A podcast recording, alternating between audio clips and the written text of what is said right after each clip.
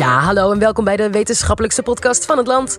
Vandaag weer een mooi college voor je van onze collega's van de Universiteit van Vlaanderen. Ditmaal over ADHD. Dat wordt niet voor niets door sommigen uitgelegd als alle dagen heel druk. Veel mensen met ADHD stuiteren namelijk door het leven. Wie daarvoor medicijnen gebruikt, moet vaak ook dealen met de bijwerkingen. Daarom gaat Annelies Verlaat van Universiteit Antwerpen op zoek naar alternatieve oplossingen. Dit is de Universiteit van Nederland.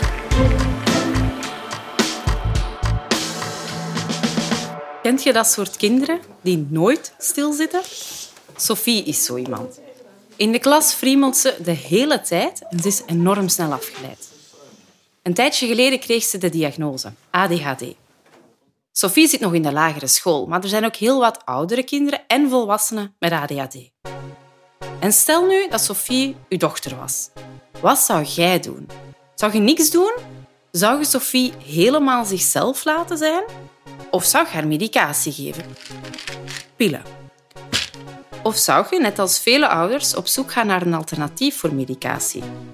Is er eigenlijk wel een alternatief? Wat zou je zelf doen? Moest je zelf ADHD hebben?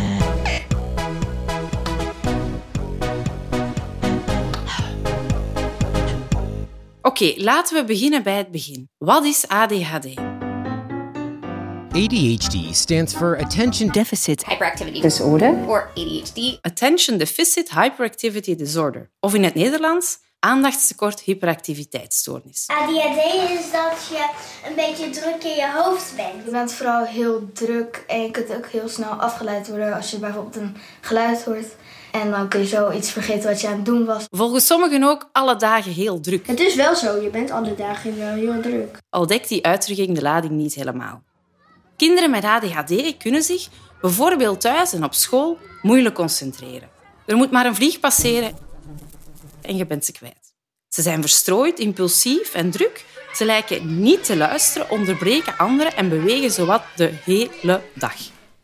Bij een deel van de patiënten is dat niet stil kunnen zitten, de hyperactiviteit, niet zo'n probleem. Zij ondervinden vooral concentratieproblemen. En ook volwassenen met ADHD hebben meestal last van verminderde concentratie en een algemeen gevoel van onrust, eerder dan dat ze de hele dag stuiteren. Fijn is anders. Nu ik verschillende symptomen van ADHD opgesomd heb, hoeveel kinderen of volwassenen met ADHD kent jij eigenlijk? De kans is groot dat je wel iemand voor de geest kunt halen, want ongeveer 6 à 7 procent van de kinderen wereldwijd heeft de diagnose. In bijna elke klas zit dus wel een kind met ADHD. Vaak zwakken die symptomen wel af naarmate een kind ouder wordt, maar meer dan de helft van de kinderen met de symptomen op jonge leeftijd blijft symptomen ondervinden als ze volwassen zijn.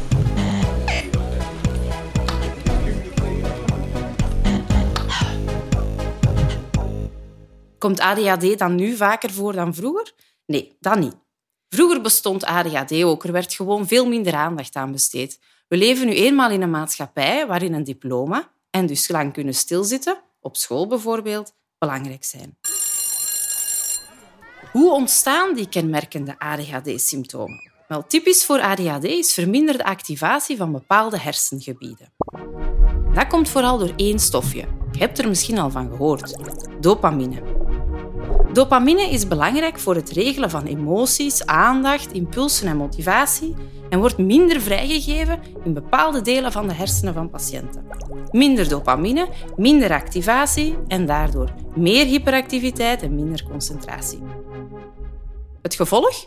Kinderen die minder goed presteren op school en minder vriendjes maken of minder zelfvertrouwen krijgen. En bij volwassenen kan ADHD dan weer tot uiting komen door minder efficiëntie op het werk of een laag zelfbeeld. En dat is toch echt lastig. Patiënten irriteren misschien wel anderen, maar ze hebben er zelf ook last van. Ja, eigenlijk wat er gebeurt is dat je gewoon overal altijd over nadenkt. Dus uh, ik stop nooit met nadenken, denk ik. Echt. Het is altijd denken, denken, denken. Oh, nu ben ik de draad een beetje kwijt. Een eerste belangrijke stap is ermee leren omgaan. Niet alleen jij als patiënt, maar ook uw omgeving. Bijvoorbeeld begrijpen van wat ADHD is en wat de gevolgen kunnen zijn, psycho-educatie genoemd. Af en toe mogen bewegen in de klas en er rekening mee houden bij toetsen helpen vaak al een beetje. maar vaak zijn die maatregelen onvoldoende. Veel patiënten slikken daarom ook medicatie om hun symptomen onder controle te houden. Maar hoe werkt dit medicijn dan? Ik vertelde net al over dopamine, dat te weinig vrijkomt bij ADHD in bepaalde hersengebieden. Methylfenidaat zorgt net voor meer vrijgave van dopamine. Dus als je er elke dag aan denkt om één of twee pilletjes te nemen, kan het echt helpen. Voor ongeveer 7 op 10 patiënten maakt die medicatie echt een wereld van verschil. En niet alleen voor hen, ook voor hun ouders en leerkrachten en klasgenootjes bijvoorbeeld. Medicatie heeft dus zeker positieve effecten. Maar, er is ook een maar. S'avonds is die medicatie gewoon uitgewerkt en komen de symptomen terug. En bij sommige patiënten, ongeveer 1 op 3, werkt die medicatie gewoon niet. Ook niet bij een hoge dosis. En ook bijwerkingen. Ongeveer 1 op 3 patiënten, ook wie wel positieve effecten ervaart, ervaart ook bijwerkingen. Methylfenidaat kan zorgen voor hartkloppingen, verhoogde bloeddruk en hoofdpijn. Heel wat patiënten vallen erdoor moeilijk in slaap, ze voelen zich minder zichzelf en hebben smiddags nauwelijks honger. Ik had een update over medicijnen beloofd. Uh, nou, de update is dat ze niet werken. Ja, naar. Ik had het in het begin over Sophie, het meisje met ADHD. Bij haar had medicatie niet het gehoopte effect en ze ondervond heel wat bijwerkingen. Ze heeft het soms ook erg moeilijk met die ADHD-symptomen en ook haar ouders en klasgenootjes vinden het vaak erg zwaar. Want Sophie stoort in de klas tijdens toetsen en s'avonds, als iedereen rustig wil zitten, zet ze de boel op stelte. En nu? Moet ze toch maar met haar symptomen leren leven? Of kan ze een alternatief voor medicatie zoeken? Is er wel een alternatief? Er is in ieder geval al onderzoek gebeurd op verschillende gebieden, zoals voedingssupplementen, diëten en neurofeedback. En daarvan licht ik er graag een paar toe, want aan de Universiteit van Antwerpen heb ik hierover onderzoek gedaan. Let jij eigenlijk op de ingrediëntenlijst als je boodschappen doet? Zeg je E-nummer zoiets? E-nummers zijn stoffen die worden toegevoegd om voedingsmiddelen te verbeteren, zoals kleurstoffen, smaakversterkers en bewaarmiddelen. Niks mis mee, absoluut niet. Maar er is wel overtuigend onderzoek dat laat zien dat kinderen drukker worden door bepaalde kleuren en bewaarmiddelen, de zogenaamde Southampton Six. Niet alleen kinderen met ADHD, hè? Ook kinderen zonder symptomen of zonder de diagnose worden er drukker door. Dus die producten vermijden, die E-nummers vermijden, is op zich geen behandeling voor ADHD, maar het kan de symptomen wel verminderen. Een eerste optie is dus opletten met bepaalde E-nummers. En een andere optie is het vermijden van hele voedingsmiddelen. Een eliminatiedieet. De theorie is dat bepaalde voedingsproducten ADHD-symptomen kunnen uitlokken. Denk maar aan koemelk, aan tarwe, aan noten. Maar die uitlokkende producten kunnen sterk verschillen tussen patiënten. Wie dit dus wil proberen, moet eerst een aantal weken een heel sterk dieet volgen om zoveel mogelijk triggers weg te laten. En als het gedrag dan na een aantal weken verbetert, wordt elke productgroep één voor één weer toegestaan om zo uit te vissen wat de trigger precies is. En dat kan in totaal wel een jaar duren. Zo'n dieet kan dus heel nuttig zijn, maar mag niet onderschat worden en mag enkel onder begeleiding van een specialist. Bepaalde diëten zouden dus kunnen helpen bij ADHD. Maar we zouden de symptomen ook kunnen proberen aanpakken door wat er misloopt in de hersenen te corrigeren. Bijvoorbeeld met neurofeedback. Dat is een moeilijk woord voor een therapie waarbij kinderen een muts met elektroden op hun hoofd gezet krijgen en dan op een computerscherm hun hersenactiviteit kunnen volgen. Bijvoorbeeld vliegtuigjes die op en neer vliegen. En zo kunnen ze zichzelf trainen om meer aandachtig te zijn. En dat blijkt ook echt effect te hebben. Maar langs de andere kant is het moeilijk om degelijk onderzoek te doen naar neurofeedback, want de effecten worden gemeten op basis van wat ouders zeggen. En die ouders kennen de behandeling en zijn dus niet objectief. Er bestaat dus heel wat sepsis rond neurofeedback.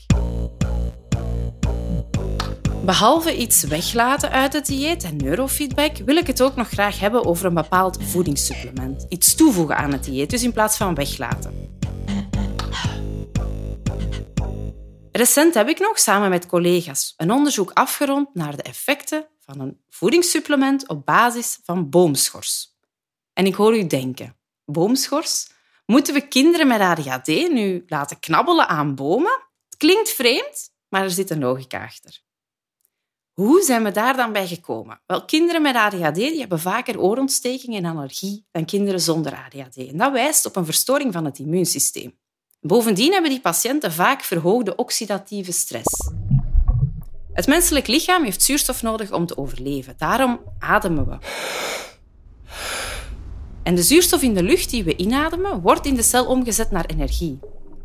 En tijdens dat proces ontstaan ook bijproducten, oxidanten. Die zijn heel normaal, maar als het er te veel zijn, kunnen ze schade veroorzaken aan de cellen en dus uiteindelijk ook aan organen. We vermoeden dat enerzijds het verstoorde immuunsysteem en anderzijds meer oxidatieve stress bij ADHD zorgt voor schade, minuscule schade aan de hersenen, waardoor die dus minder optimaal werken, wat leidt tot typische ADHD-symptomen. Dus oké, stel ADHD-patiënten hebben inderdaad verstoorde immuniteit, meer oxidatieve schade in de hersenen. Hoe kan boomschors dan helpen? Let op, het gaat hier om een extract van boomschors in capsules of tabletten met de naam pycnogenol. Pycnogenol bevat veel polyfenolen. Dat zijn natuurlijke stoffen die ook in groenten en fruit zitten, rode wijn, groene thee en cacao. Die polyfenolen kunnen de werking van het immuunsysteem verbeteren en oxidatieve stress verminderen. Win-win dus. Pycnogenol werd getest in 2006 bij kinderen met ADHD en bleek veelbelovend. Kinderen die vier weken het extract kregen, werden minder hyperactief en konden zich beter concentreren op school dan kinderen die een placebo kregen, een pilletje zonder actieve stof.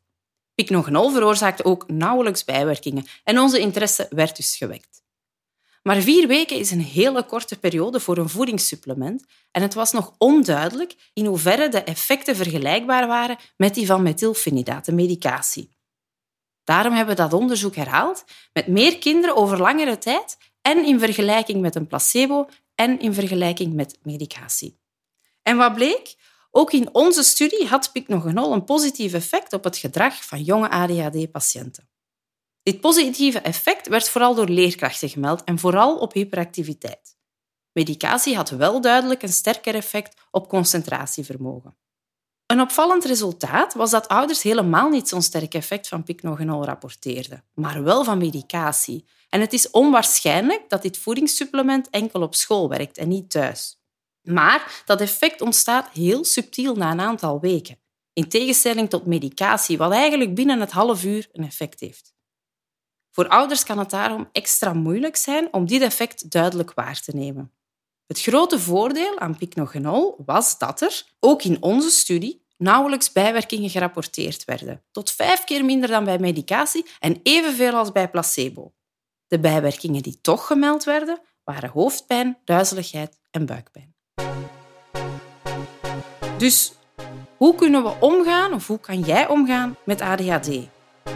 Laat één ding duidelijk zijn. Onderzoek naar de alternatieven voor methylfenidaat, de standaardmedicatie bij ADHD, schiet alle kanten uit. En heel teleurstellend, voor geen enkel alternatief is het bewijs zo sterk als voor medicatie. Er zijn vaak nog te weinig onderzoeken gebeurd, of bij te weinig proefpersonen, of studies duren niet lang genoeg. Maar ook kinderen met ADHD verschillen onderling heel erg. Waar het ene kind mogelijk geen effect ondervindt, kan het andere enorm geholpen zijn. Net als medicatie zullen alternatieve opties dus zeker niet alle kinderen met ADHD helpen. Over enkele jaren kunnen we hopelijk op voorhand al een idee hebben welke medicatie of welk alternatief een grote kans op slagen heeft bij een bepaalde patiënt, bijvoorbeeld door een bloedanalyse. Want een behandeling op maat van het kind, dat lijkt de toekomst. Je hoorde Annelies Verlaat. Lekker toch? Wij leren met gewoon een lekker podcastje in je oor. Elke week zetten we daarom twee nieuwe afleveringen online. Abonneer je op ons kanaal om niks te missen. Ja, en gewoon ook wel een beetje om ons blij te maken. Volgende keer heb ik een college voor je over taal. Tot dan!